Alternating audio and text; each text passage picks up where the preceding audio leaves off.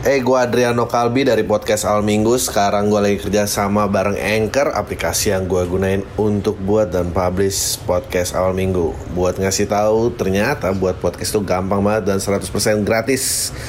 Semua yang kita perluin untuk buat podcast juga ada di Anchor, termasuk distribusi ke Spotify dan platform podcast lainnya. Yuk, download aplikasi Anchor dan bikin podcast kamu segera.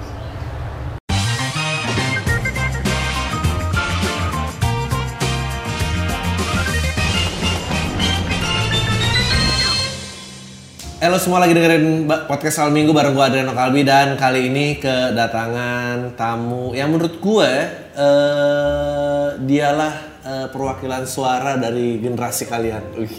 Ini eh, ada Raka dari Menjadi Manusia. Halo, halo. Eh, podcastnya sekarang udah ranking berapa ya? Sekarang tujuh. Gokil, gokil, gokil, gokil. Eh, inilah bukti bahwa pemarkasa itu tidak ada artinya ya.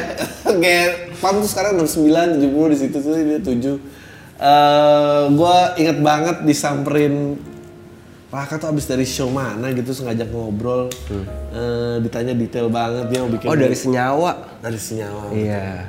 Iya. Dia detail banget, dia reference komedinya oke banget dan ngeliat gue gimana. And then sampai akhirnya gue ngisi konten di Menjadi Manusia. Nah, sebelum kita ngomongin sampai sana, gue gua, gua pengen tahu mengenal diri lo lah lebih banyak.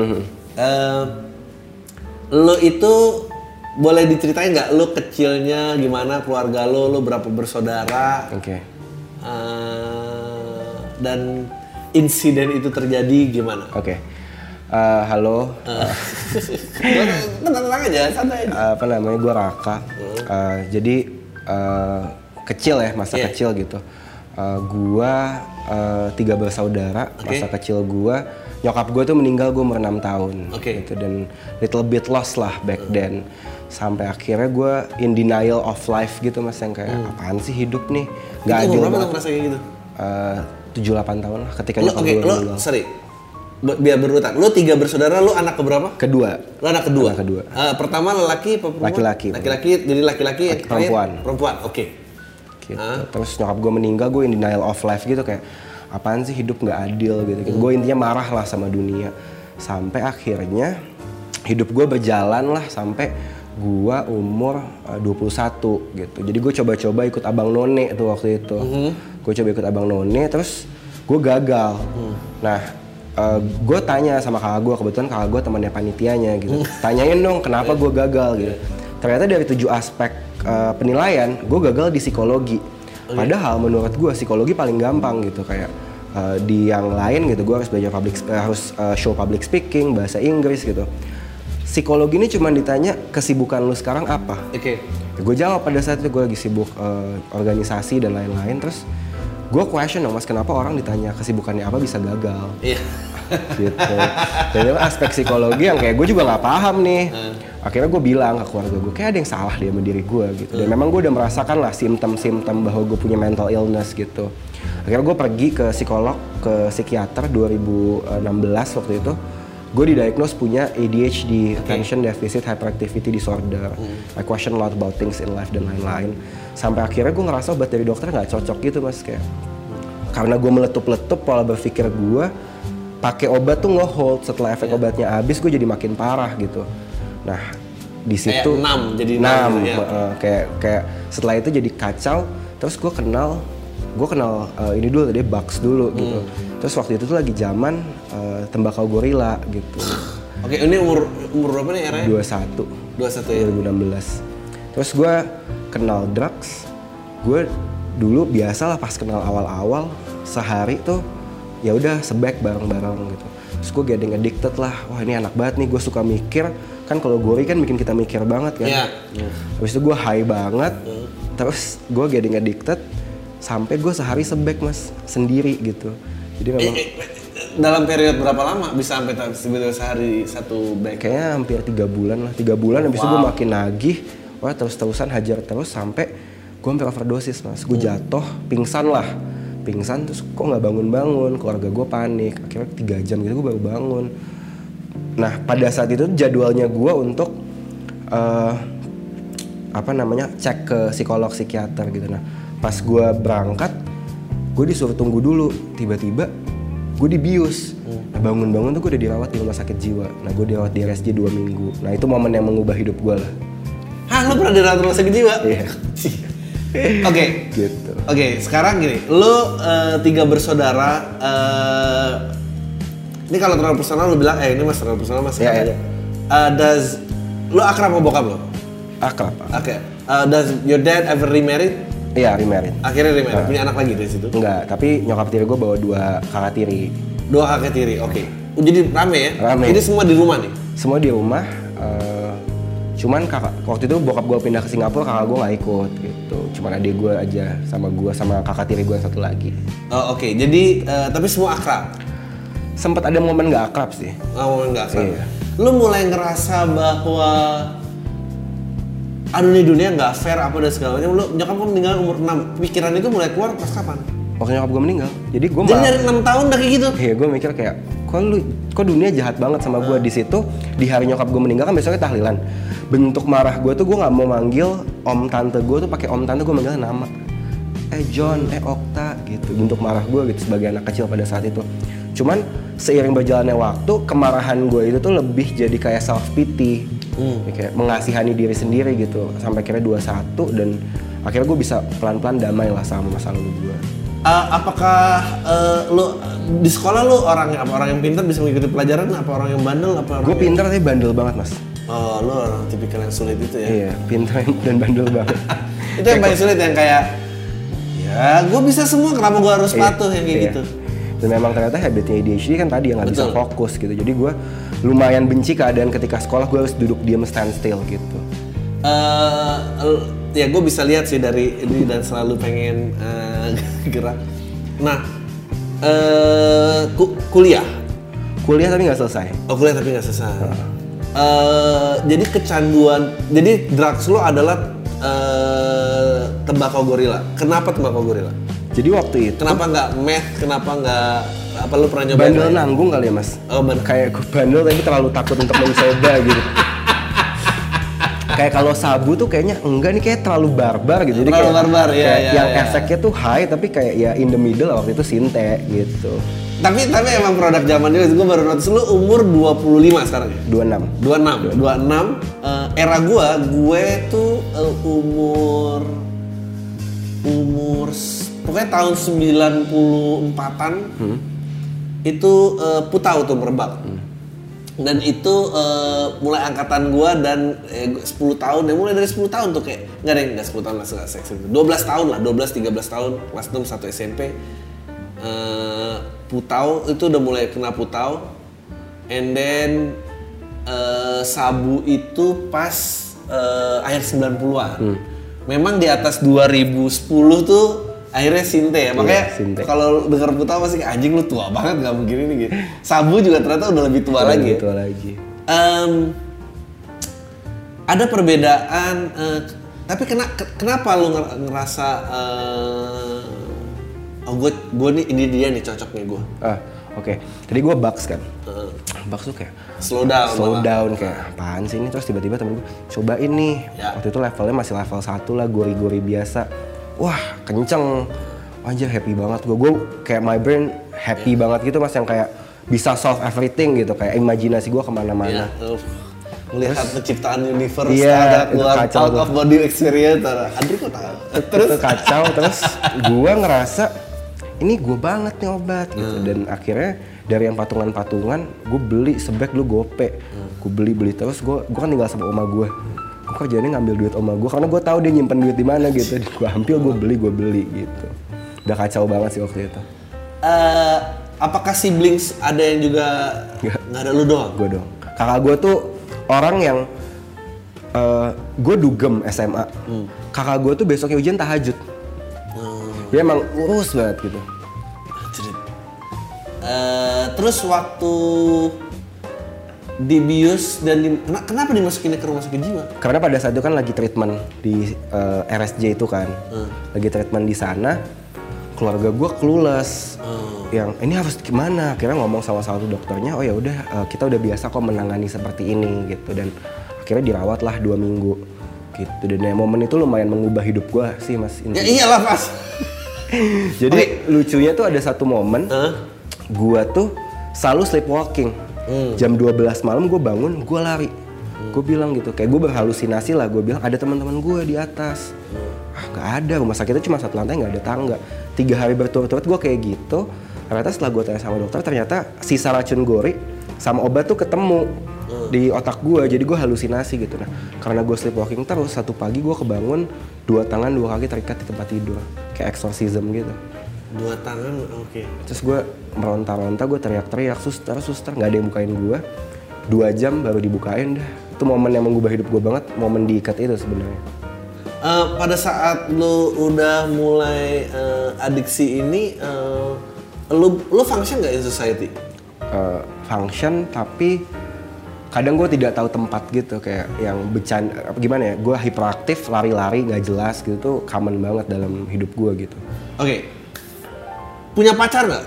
punya Oh, eh, doing drugs 21 eh itu in, in- main- maintain- bisa maintain relationship. Eh, akhirnya gue sadar gitu kayak gue nggak stabil gitu jadi gue pacaran hampir 2 tahun hampir dua ya, pacaran gue hampir 2 tahun tapi emang gue kayak nggak benar gitu akhirnya gue realize kayaknya gue cuma burden nih buat nih orang ya udah gue putusin Oh, tapi nggak nggak escalate ke mana dan Nggak. jadi apa? Oke. gue penasaran lagi adalah pada saat lu memutuskan memakai eh, gori, eh, lebih banyak karena curiosity-nya apa karena trauma lu? karena enak ya mas Iya kan? Iya. Jadi jadi trauma itu akhirnya juga nggak play role. nggak nggak nggak play role gitu. Jadi kayak kenikmatan sesaat kali ya. Yang kayak gue ya mungkin mungkin the, the trauma gitu ya. Gue jadi kayak try to escape the trauma gitu. Bukan gue face tapi gue escape dengan drugs. Karena gue menemukan titik nyaman gue titik happy gue dan di situ akhirnya oh gue suka banget nih ini obat gue gitu gue mikirnya gitu. Karena gue kan dapat obat dari dokter juga kan. Gue kira kayak dikasih duit sama keluarga buat beli obat ke dokter gue pakai duit buat beli drugs gitu Oke, kalau putau itu kan lu eh, sakau ya, maksudnya eh, when you're addicted, lu nggak dapat dosis yang lu ini lu bisa mati. Gitu. Lu- Jadi lu nggak bisa. eh, kalau sabu orang nyebutnya eh, kerinduan. Jadi kalau satu sakau satu tuh rindu. Jadi dia peng- pengguna-pengguna sabu tuh kalau dia clean lewat dua bulan tuh dia mulai kayak ada wet dreamnya of pakai sabu. Eh, Sinta itu dependensinya kayak apa sih? dependensinya sebenarnya karena tembakau ya.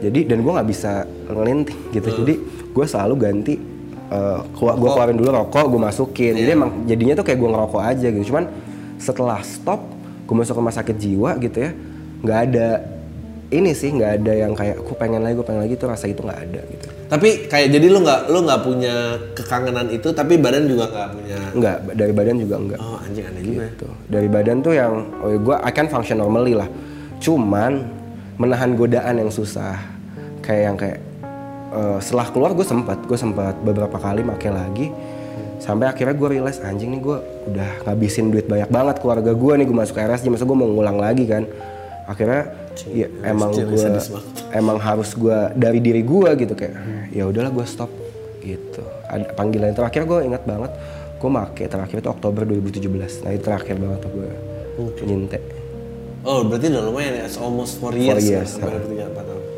Em, akhirnya bisa eh, me- menikah kapan?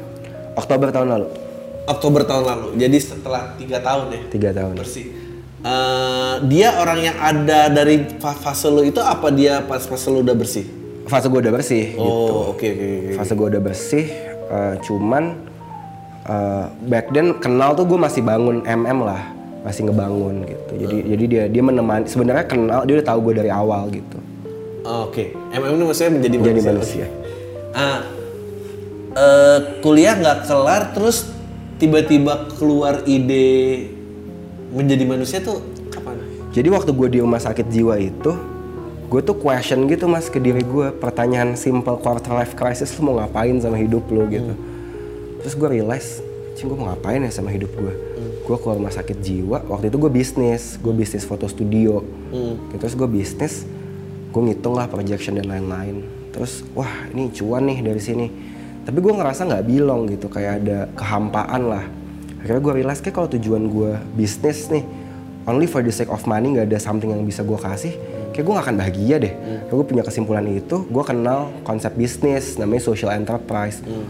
Gue pelajarin oh ternyata lewat sebuah bisnis lo tetap bisa ngasih dampak nih untuk masyarakat. Pada saat itu gue sukanya konten. Terus gue ngeliat gue ngeliat eh, channel luar waktu itu Jubilee gitu gue ngeliat kok di Indonesia nggak ada yang bikin ya? Terus gue realize oke gue coba bikin dengan eh, gaya yang Indonesia banget gitu. Nah gue udah jalan tuh gue sendiri gitu. Cuman gue minta bantuan teman editing dan lain-lain gue jalan sendiri. Tiba-tiba di tengah jalan video editornya cabut. Karena eh, harus ngerjain tugas kampus dan lain-lain lah. Oh, gue kelulus lagi. Di tengah kebingungan itu co-founder gue yang sekarang Adam emang kita kuliah kenal tuh dari kuliah. Dia WhatsApp gue eh gue pengen bikin konten YouTube Eh, yang ngasih tahu tapi nggak menggurui. Oh ya udah boleh. Akhirnya jalan berdua. Terus kayak kita butuh someone to complete the team. Waktu itu karena kita nggak bisa desain gue ajak temen SD gue namanya Vini. Akhirnya jalan bertiga sampai sekarang. Oh wow. gitu. Em, jadi ADHD pun juga tidak would you say itu berpengaruh menjadi lu sebagai pecandu apa enggak?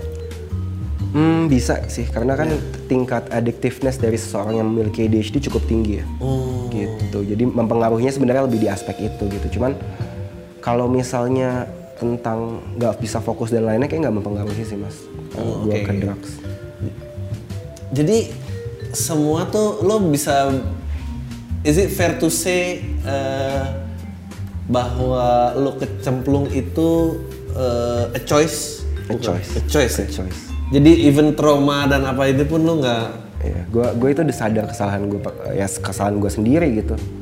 Em, dua minggu di rumah sakit jiwa em, momen kepentok lu tuh apa kan semua orang ngalamin ini nih Bi- biasanya dia ngalamin titik balik ngerasa emang ini udah mentok banget gue nggak bisa ini Sampai gue diikat tadi sih. Diikat Mas. tadi. Kayak, anjing nih, kayak nggak ada di orang normal yang kayak gini gitu. Eh, interaksi di rumah sakit jiwa kayak apa sih Jadi gue tuh beruntung ya mas, beruntung dalam artian uh, keluarga gue itu membiayai gue untuk ada di ruangan VIP gitu. Oh, oke Jadi kehidupan gue ya gue punya kamar sendiri. Gue kayak se- Ya, di kos-kosan kayak di ya. kos-kosan gitu. Tapi gue gak pegang HP, nggak apa. Iya, ya iya, rutin minum obat gitu dan lain-lain lah. Eh, malu apa gitu gitu maksudnya lu balik ke temen-temen lu apa Dulu malu ya. Oh, dulu malu. Dulu malu gitu. Malu lah mas kayak. kayak "Lu dari mana?" Karena gue karena in that phase gue tuh ngilang yang bener-bener ngilang. Iya, iya lah. Gue ngilang gitu terus teman-teman gue nanya gitu ke mana gue dirawat di RSJ awalnya malu cuman sekarang gue sadar it's part of my life gitu kalau gue nggak masuk rumah sakit jiwa Ya, lu nggak di sini. di sini gitu di jadi ceritanya eh, DO dulu baru masuk rumah sakit jiwa apa gara-gara rumah sakit jiwa jadi akhirnya DO agar masuk rumah sakit akhirnya DO Oh, kenapa lu nggak lu nggak ngambil bukan DO sih lebih kayak gue bilang ke keluarga gue kayak nggak mau kuliah lagi gue ambil hukum waktu itu. Oke, ya, it's not your thing. yeah, fighting lah. Kecuali lu ngebela HAM mungkin masih mirip-mirip. terus akhirnya gue realize kayak eh, this is not my thing. Udah akhirnya gue nah gue dikuliahin lagi waktu itu. Dibayarin kuliah lagi gue ambil komunikasi. Awal-awal gue masih kayak oke dan lain-lain. Tiba-tiba gue bikin menjadi manusia nih in the middle of kuliah lagi tiba menjadi manusia meledak.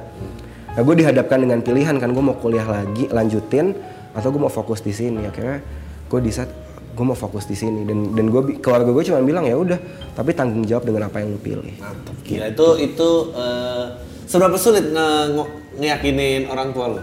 Sulit banget sih. Untuk nggak kuliah? Unt- karena eh, untuk nggak kuliah bukan gimana ya karena kakak gue akademis banget kan. Oke.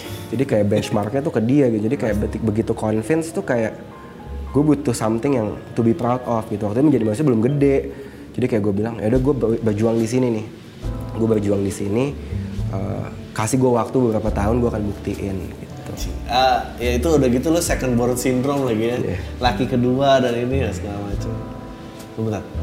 Ini audio masuk nggak? Bul. Ini karaoke orang masuk nggak? Nggak. Nggak ya?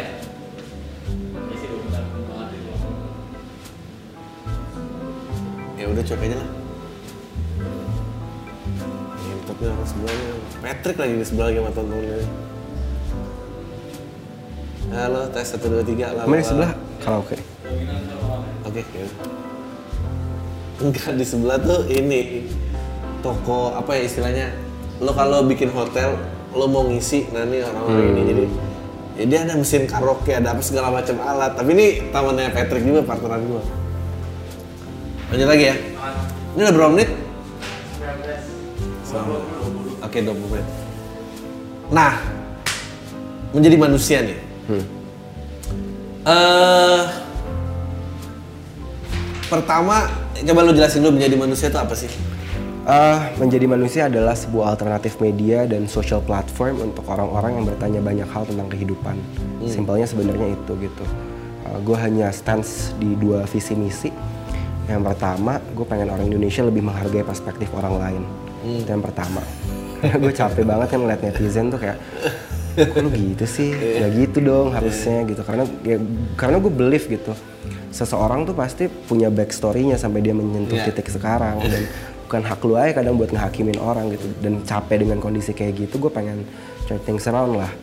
Akhirnya gue eh, itu tadi gitu mis- mission dan vision yang pertama. Yang kedua kita pengen orang tuh ketika punya masalah nggak ngerasa sendiri gitu karena kadang eh, kita punya masalah kita over glorify masalah kita gitu kayak Uh, padahal manusia ada miliaran, bukan lo doang nih yang ngerasa kayak gini. Dan di situlah kita pengen ngasih tahu. Dan sebenarnya lebih ke ini sih, gue dulu bingung mas sama hidup gue, gue mau ngapain dan lain-lain. Gak ada wadah gue untuk cari tahu kegalauan gue akan hidup gitu. Ketika gue punya banyak pertanyaan, gak ada yang bisa menjawab itu gitu. Ada problemnya nih, instead of thinking uh, tetap mencari, kenapa gue nggak sediakan solution? Akhirnya ya udah lahirlah menjadi manusia. Menurut gua lo, Kunto Aji, eh, Sisil itu eh, orang-orang yang semangat zamannya generasi ini banget pas menurut gua. Eh, jadi oke, sekarang waktu lo lihat gua, kenapa lo tertarik eh, suruh gua ngomong? Karena Dibanding yang lain ya? Karena kayak komedian gua doang ya. ada, Ada coki apa? muslim. Ada coki muslim, oke. Coki muslim lain lagi terus. karena gue ngerasa kayak lu punya something dalam diri lu yang eh, apa namanya eh, cukup vulnerable tapi karena karena kayak lu kan bitter truth aja gitu kan kayak yang lu sampaikan ya terus nah di situ akhirnya gue mulai mem- memetakan gitu kayak ketika orang seperti ini keluar komedi komedi yang eh, seperti itu gitu pola berpikirnya seperti apa sih? Berangkatnya dari curiosity sebenarnya gitu gue curious gitu kayak ini pasti ada cerita menarik nih kalau misalnya seseorang punya pemikiran seperti ini. Akhirnya di situ dan gue eh, lumayan ngefans sama lo waktu itu kayak jadi ya udah deh gue coba aja eh, apa namanya nice to have lah kalau misalnya emang ternyata bisa nih. Oh ternyata mau gitu jadi ya. Ya gue gua ya ya happy banget. Cuma gue tuh salah satu ketakutan gue adalah mungkin karena gue eh gue tuh nggak suka ngeluarin eh, the truth. Maksudnya everything that I do on stage itu melalui proses kreatif dan crafting dan segala macam itu keluarin karena kejadian aslinya Nggak gitu. Nggak nggak gitu. Dan I, I don't think itu buat entertainment. Eh, terus gue tuh selalu takut kalau jadi preachy gitu karena gue rasa juga tiap orang jalan hidupnya beda-beda gitu.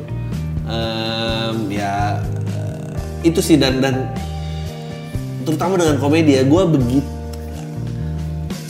Iya lu tahu gue suka banget Bilber. Jadi dia tuh selalu bikin exit way yang nggak sebetulnya dia lebih pintar daripada ini tapi dia sengaja lo ke sini biar lucunya. Jadi eh, dan begitu dia ngeluarin pinternya dia akan jadi asshole gue langsung turn off. Ah terus oke ini oke gue jadi paham. Sekarang lu jadi anak anak pinter yang susah diatur ini lu belajar social enterprise and then keluarlah eh, menjadi manusia ini. Sekarang menjadi manusia itu udah sebesar apa? Eh gimana ya? Kalau value perusahaan apa lumayan lumayan Lumayan ya. Jadi eh, jadi sekarang eh, istilahnya ini jadi apa? Jadi PT, kita PT jadi PT. eh, jadi line of bisnisnya adalah eh, placement gitu-gitu ya. placement gitu cuman sekarang kita lagi ngembangin IP kita lagi main di Pinter ya anak muda nih sekarang nih anjing emang. Eh, jadi udah shopping around ke berapa orang? Udah lumayan ada beberapa. Udah kita ada series akan tayang. Kita bikin uh, satu uh, series, TV series akan tayang di salah satu OTT platform. Judulnya Daur Hidup. Jadi eh, gue pengen coba menceritakan. Biasanya kan kalau menceritakan kehidupan gue dari angle interview cerita orang gitu. Nah sekarang gue pengen ngambil eh, ke film. Jadi gue ngambil ke film, judulnya Daur Hidup. 9 episode beda semua. Oke. Dan di situlah akhirnya gue kayak, oh gue bisa nih punya medium lain untuk menceritakan tentang kehidupan. Oke, eh, boleh udah promoin OTT-nya di mana? Kapan tayang? Eh, OTT-nya ada di Vision Plus. Oke. Eh, tayangnya Eh, gue Adriano Kalbi dari podcast Al Minggu. Sekarang gue lagi kerja sama bareng Anchor, aplikasi yang gue gunain untuk buat dan publish podcast Al Minggu. Buat ngasih tahu, ternyata buat podcast itu gampang banget dan 100% gratis. Semua yang kita perluin untuk buat podcast juga ada di Anchor, termasuk distribusi ke Spotify dan platform podcast lainnya. Yuk, download aplikasi Anchor dan bikin podcast kamu segera. Harusnya Agustus. Cuman tapi karena pandemi. gue masih sisa syuting 3 episode lagi, eh, PPKM dan lain-lain. Jadi kayak, ah masih belum tahu akan tayang kapan. Vision Plus tuh bisa di download app. Bisa ada app dan juga di website. Oke. Anjing, pinter ya. A- apakah sudah dapat investor? Apakah masih sekalian doang? eh, ada dua investor gabung. Oh, udah dua investor Ada dua investor, satu dari eh, USS Fits Hah? eh, dan satu lagi dari eh, program social enterprise yang gue ikuti. Gitu. Hampir kita jadi sister company kalau Benson Mas. Ehm, if lu kan berani ya keluar dari jalur kuliah dan lu ngeliat ini, eh, jadi lu gua rasa ada ada dua skill yang yang yang sangat penting gitu. Satu, em, lu aware surrounding lu, eh, lu tahu peta roadmap apa ya istilahnya menjadi perusahaan lah gitu. And then lu realize uh, social needs-nya itu gimana? Uh, sebagai orang yang drop out kuliah, gue pengen nanya sama lo, apakah institusi kuliah masih memberikan keamanan seperti 5 atau 10 tahun yang lalu? Gue nggak tahu ya mas, Oh. karena gue kalau misalnya memang gue diminta ngisi dan lain-lain, gue paling malas sebenarnya mention bahwa gue nggak selesai kuliah gitu karena karena Takutnya menginspirasi. iya takut menginspirasi orang gitu dan gue I consider myself lucky sih, Oke. kayak gue lucky aja gitu kayak tiba-tiba video kedua meledak ya udah ya udah akhirnya gue memilih untuk fokus di situ gitu. Kalau anak lu nggak mau kuliah, lu dikasih kalau kasih apa nggak? Eh, ya kalau misalnya memang punya roadmap Eh, iya. yang jelas gue akan kasih sih. Tapi gue juga lagi bertanya-tanya kayak kayaknya security nggak karena gue ngerasain gue kuliah tuh eh, 2002 sampai 2005. Eh, 2002 akhir lah. Nggak ada gue kuliah. Ya. Eh, perteng- kan gue lulus 2002 tuh terus kuliah gue kelar 2005. Eh, waktu itu gue ngambil advertising Eh, and at that time menurut gua golden eranya advertising di Indonesia tuh justru di late 90s masuk ke 2000-an. Jadi 2000-an juga sebetulnya udah mau dying. 2000-an tuh untungnya waktu itu orang-orang masih skeptis tentang eh, bikin website lah .com masih Lu menang award berkali-kali ya lumayan lumayan.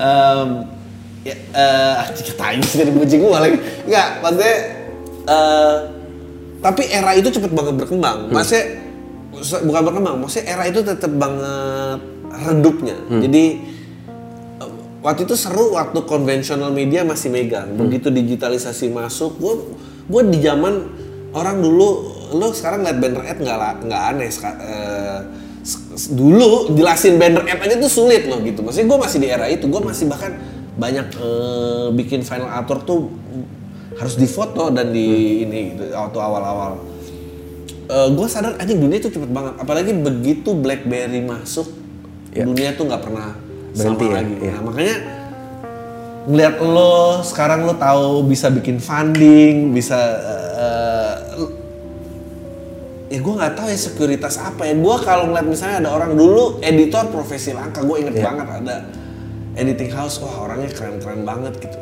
sekarang kalau lo di sekolah nggak diajarin ngedit dari HP lo untuk TikTok menurut Iya. gue anjing itu berarti udah out sih kurikulumnya Mhm. Eh, lo di generasi ini lo ngeliatnya kita tuh mestinya gimana? Kita mestinya adaptif apa tetap masih harus ngikutin Kayak adaptif tuh kunci ya Iya. sekarang apalagi kalau mainnya di digital gitu kayak back then YouTube kan belum banyak yang masuk sekarang makin banyak. Instagram gitu makin banyak. TikTok dulu kayak gue gak ngerti gitu faedah orang main TikTok. Sekarang gue main TikTok bisa sejam ngeliatin orang. Jadi eh, kalau misalnya memang di digital adalah bagaimana adaptif dengan platformnya sih mas. Karena platformnya ini kayak Friendster mati. Facebook udah mulai ditinggalkan. Tinggal nunggu Instagram dan YouTube bubble-nya meledak. Udah terus ya kita harus apa setelah itu kan adaptif dengan platform yang baru gitu sih kalau gue ngeliatnya. Dan juga sebenarnya eh, dalam bisnis juga gitu kayak adaptif buat gue juga penting gitu kayak ketika misalnya satu bisnis model nggak works ya gue harus turn out dengan bisnis model yang kira-kira bisa tervalidate gitu Di menjadi manusia sendiri tuh eh, ada area spesifik nggak sih yang yang lo bahas gitu? Eh, apa emang ya gue sih ngeliatnya banyak sekarang mental health semua ya gitu. Kalau gue sih spesifik sebenarnya ngomong humanity gitu. Cuman kan what is the most uh, strong point uh, in humanity gitu kan? Kayaknya mental health gitu terdekat ya. Jadi memang kita membagi ranahnya tuh uh, jadi kalau orang nonton menjadi manusia itu to feel. Jadi to see dulu, to feel and to think gitu. Jadi kayak setelah mereka ngelihat mereka merasakan sesuatu atau ini intriguing enough buat mereka berpikir gitu. That's why kita ngangkat konten orang nggak percaya agama, LGBT. Jadi kayak uh, thought provoking dan juga uh, relatable sih. Itu sih yang kita omongin sebenarnya. Oke, mengangkat isu mental health. Aman? Gue kan istilahnya dari generasi sebelumnya nih. Apakah eh memang separah itu atau banyak anak-anak muda yang mengegzagerasinya? Dua ini sih dua mata pisau mas sebenarnya. Yang pertama ada yang masih menganggap Allah lu tuh cuman kurang bersyukur sholat gih sholat gitu. Atau kayak ya udah dirukiah gitu. Itu satu banget satu satu pisau yang satu gitu. Yang satunya lagi adalah ya tadi yang lo bilang over glorify yang kayak kayak gue kayaknya gue bipolar deh kayak gue OCD deh. Aduh gue eh, depresi banget sih. Da- dan itu yang terjadi karena arus informasi yang begitu banyak kan. Iya. lu punya symptom something lu google keluar bipolar. Padahal kan untuk lu tahu lu bipolar apa enggak lu harus pergi ke profesional. Iya. gitu. Jadi di dua mata pisau itu menjadi manusia hadir untuk meluruskan. Kalau misalnya memang nggak baik-baik aja go to profesional gitu. Yang bisa mendiagnose lu kenapa kenapa ya cuma profesional Nah, sekarang gi- gimana caranya kita? Gue kemarin eh, sempet rame tuh Twitter dan Instagram gue gara-gara mau istirahat posting ya lo harus diposting Posting gitu. dulu. Itu anjing, itu gimana coba benerinnya? Oke, Eh, kalau gue sebenarnya lebih ke edukasi ya. Edukasinya kita banyakin gitu. Karena kalau misalnya ngelihat sebenarnya nih menarik eh, beberapa perusahaan asuransi itu tidak mengcover biaya lu ke psikiater. Oke. Iya. Cuman ada satu yang mengcover BPJS. Hmm. Jadi kalau lu ke eh, psikiater, lu itu di cover sama BPJS. Tapi kan balik lagi spektrum informasinya nggak sebanyak itu orang sampai akhirnya tahu. Wow, taatlah bayar BPJS karena di kamar kamu psikiater. Bener. Menurut gue itu itu solusi yang make sense daripada lo eh, over glorifying ke sosial media Betul, gitu. betul. Ja- tapi kalau dari mata lo, apakah sosial media punya direct relation ke mental illness? Oh sangat mas. Oh sangat ya. Pertama kan level of insecurity naik. Kayak orang tuh insecure aja kan bawaannya. Kedua dari insecurity insecurity ini akhirnya masuk ke tahap kedua anxiousness gitu kayak kadang kayak ngelihat orang udah sukses apa comparing self with others gitu. Jadi anxiety-nya meningkat gitu, level gelisahnya meningkat. Aduh gua harus apa, gua harus apa. Jadi itu tadi sih eh, bagaimana sebenarnya sosial media punya peran gitu dan ya balik ke diri kita gimana kita memperlakukan sosial media kita gitu. Lo sendiri, oke, lo punya titik mentok, sadar keluar eh, ber- berhenti menjadi junkie. eh membangun security diri lo gimana? Gua jadi yang paling sulit gua berdamai adalah insecurity sebenarnya. Oh ya? Gue tuh kayak dulu tuh ngepost something di Instagram tuh ada yang kayak aduh orang ngomongin gua nggak ya gitu. Jadi kayak insecurity gue tinggi banget gitu. Nggak, maksudnya ngomongin gue tuh, eh, gua diomongin nggak ya? Iya, gue diomongin nggak ya? Eh, jadi pengen di post terus ini ada perhatiannya gitu? Bukan, bukan. gue takutnya ketika gue ngepost something, orang ngomongin gue di belakang, Oke, oke, oke, gitu. oke. Lu takut dijudge? Gue takut dijudge gitu. Jadi kayak dulu tuh gue sangat memilah-milah gitu sampai akhirnya eh, sekarang sih abis nikah ya. Hmm. Abis nikah gue naik 17 kilo mas. Iya, lu beda banget. Dan di situ akhirnya gue realize ya udahlah kayak terserah orang mau ngomong apa gitu jadi even pas bangun menjadi manusia insecurity level gue masih cukup tinggi cuman ketika nikah akhirnya kayak ya gue nggak mau nge-please orang gitu jadi kayak gue post apa yang gue mau uh, respons orang nggak bisa gue kontrol ya gue kontrol diri gue aja Ah, Oke. Kalau lu kan nikah, kalau kalau misalnya solusinya yang karena kan menikah tidak mengenali diri itu juga betul that's another eh, isu yang yang parah banget maksudnya. Iya. Terus lu ngasih saran orang untuk membangun security dirinya gimana? Uh, fokus sama apa yang lo bisa kontrol sih.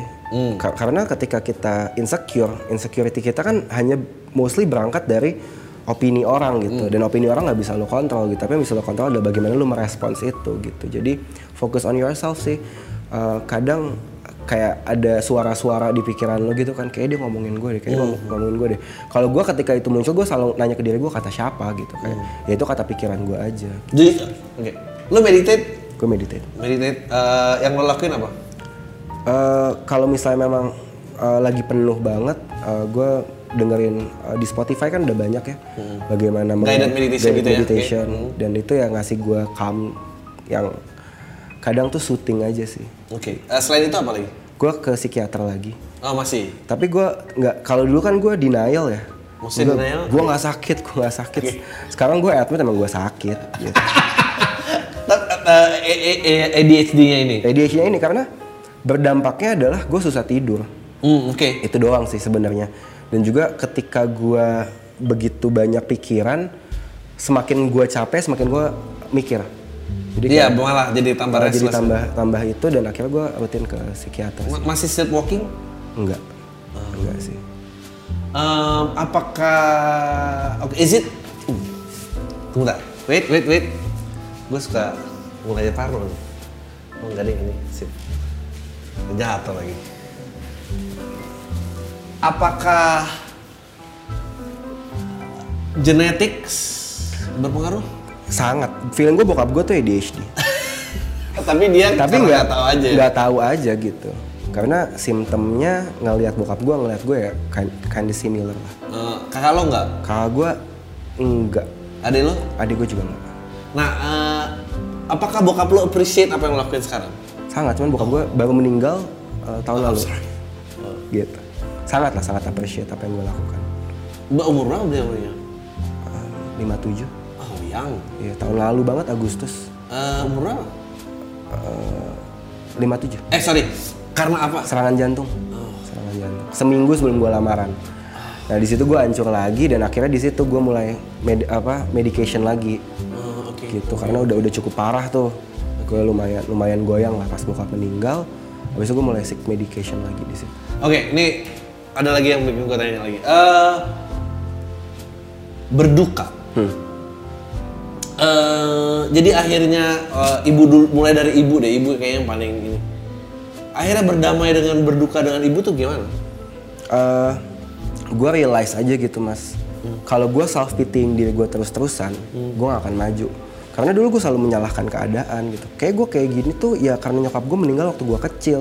Hmm, gitu kayak gue selalu ngeblame apa pun tuh selalu ngeblame. ke blame-nya tuh kayak karena nyokap gue meninggal. Akhirnya ketika gue stop stop self I have to stop self pitying lah gue gak akan maju nih kalau kayak gini. Akhirnya ya udah pelan pelan bisa berdamaikan itu. Meskipun sampai sekarang trauma terbesar gue masih kehilangan gitu. Jadi menarik tuh tahun lalu gue tinggal sama kakek sama nenek gue April kakek gue meninggal. Eh, Agustus bokap gue meninggal.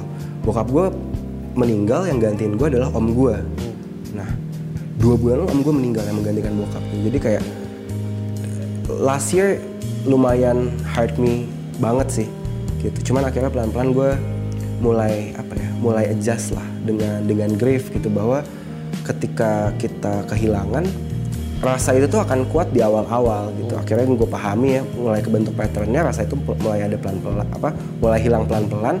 Tapi one day itu akan ngehit lo lagi. Dan ya it's part Yeah, it will it will come in waves like berapa ini red red red red ini lagi tenang ini dia balik lagi. Lagi situasi kayak gini Mas. Wah, Wah, iya. gue kacau sih gue lumayan banyak overthinking. Apalagi saya gue lagi hamil kan jadi kayak ketakutan gue tuh begitu besar gitu untuk untuk uh, case ini gitu. Cuman akhirnya gue ngobrol sama Mas Aji Santoso. Gue ngobrol sama Mas Aji gue ceritakan gitu kayak.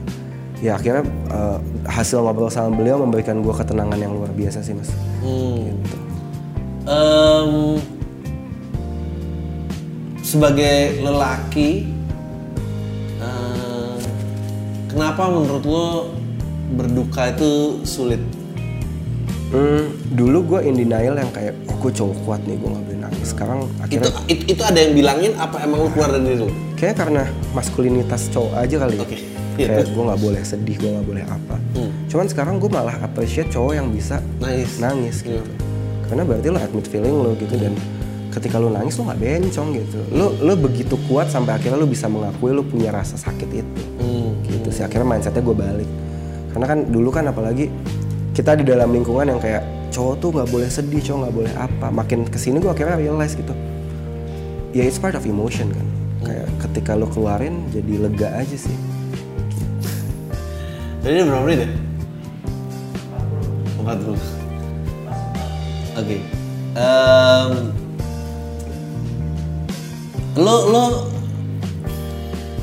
Sekarang Menurut gue tuh ya lo, lo mature way beyond eh, teman-teman seangkatan lo. Em, yang yang kayaknya di eranya tuh lagi ya gusar-gusarnya gitu. Em, melatih fokus sama apa yang bisa lo lakuin itu kan easier said and done gitu. Maksudnya eh, lo ada kayak nggak tahu ya either mantra atau step apa gitu yang lo gue ada sih jadi gue punya tiga mantra yang gue pakai gitu kayak yang benar-benar gue rasa ngubah hidup gue dari jangki sampai sekarang gitu. Oke which is? Jadi yang pertama nyokap gue tuh dari gue umur 4 tahun sama nyokap gue tuh ngajarin gue Raka kamu harus percaya I become what I think about. Kamu akan menjadi apa yang gue pikirkan. Sampai momen eh, apa namanya sakaratul mautnya beliau. Beliau manggil gue terus bilang Raka terus kayak bilang percayalah kamu akan menjadi apa yang kamu pikirkan. That's her last word to me. Itu kata-kata terakhir nyokap gue ke gue gitu. I become what I think about. Enggak lah this is bullshit gitu. Akhirnya ketika gue masuk ke rumah sakit juga gue realize gitu. Oh gue beneran jadi apa yang gue pikirin ya? Gitu kayak gue tuh mikirnya karena gue pikir gue gila datang gitu ya gue iya. bener gila. Gue burden for this family bikin susah. Cuman cuman ya hidup gue berantakan. Iya. ya it happens gitu. Akhirnya kan gue masuk rumah sakit jiwa hidup gue berantakan pas bangun menjadi manusia gue inget lagi tuh kata-kata mas. Kalau misalnya apa yang almarhumah nyokap gue bilang benar kenapa gue nggak ubah pola pikirnya jadi positif ya nih? betul. Therefore lo harus mikirin positif. Akhirnya gue ubah. Aku pengen masuk TV gue pengen ngomong di TED. Gue pengen ketemu Najwa Shihab. All of the dreams happen. Jadi kayak ya itu sih poin pertama. Um, apa namanya? I become what I think about gitu. Kalau gue mikirnya negatif yang datang ke gue akan negatif. Tapi kalau positif somehow the positivity will come. Yang kedua amor fati jatuh cinta dengan takdir gitu kayak hidup gue gue tahu nih kayak apa apa apa? Amor fati. Amor Fati. Jatuh cinta dengan takdir Friedrich Nietzsche. Eh, intinya dari perjalanan hidup gue gue realize aja gitu kayak I used not to believe in God. Sampai akhirnya kayak gue nyoba gue gue SMA Katolik gue terakhir Muslim gitu mas. Habis keluar rumah sakit gue belajar Buddha gitu. jadi kayak gue belajar Buddha tapi kayak enggak nih Buddha nggak cocok sama gue gitu. Kayak akhirnya akhirnya gue nonton gue nonton video orang ateis masuk Islam. Terus kayak dia cuma bilang gitu kayak yang bikin saya masuk Islam saya bilang kalau Tuhan benar-benar ada tolong balik halaman ini. Halamannya kebalik mas. Nah karena gue nonton itu gue terinspirasi. One day gue muntah gue giting. Gue muntah tuh. Wah. terus kayak kan lu lagi mabok kan lu males kan beresin muntah lu gitu. Begitu juga ketika giting itu gue males banget. Gue nangis terus gue duduk gue nangis ya Allah kalau kau benar-benar ada bantu hamba bersihkan muntah ini Akhirnya gue ambil ember gue siram sekali siram masuk that moment I believe in God. Itu momen akhirnya kayak ah Tuhan tuh ada gitu. Dan akhirnya ketika gue pelan-pelan lah mempelajari mendalami gitu kayak oh ya udah it's part of life gitu kayak lo kehilangan lo punya masalah it's part of life gitu sih. Nah dari Amor Fati sama I Become What I Think About, akhirnya gue gabungin jadi satu konsep gitu. Bermimpilah setinggi-tingginya berekspektasilah serendah-rendahnya. Karena yang bikin kita sakit ya ekspektasi itu baru yang gue mau bilang. Terus kenapa kalau lu semua positif ini eh, dulu sih gimana cara garisin ya? Ternyata jawabannya di yang terakhir. Nyokap tuh backgroundnya apa ya kalau boleh tahu? Eh, nyokap gue kuliah dua jurusan matematika fisika. Terus em, apa namanya eh, sempat bangun eh, hotel Dama Wangsa pada saat itu. Terakhir sebelum meninggal uh, CMO-nya Kabel Vision sekarang Fresh Media. Oh, tapi beliau kayaknya sangat uh, profound nih, maksudnya Iya. manusia banget gitu. Iya.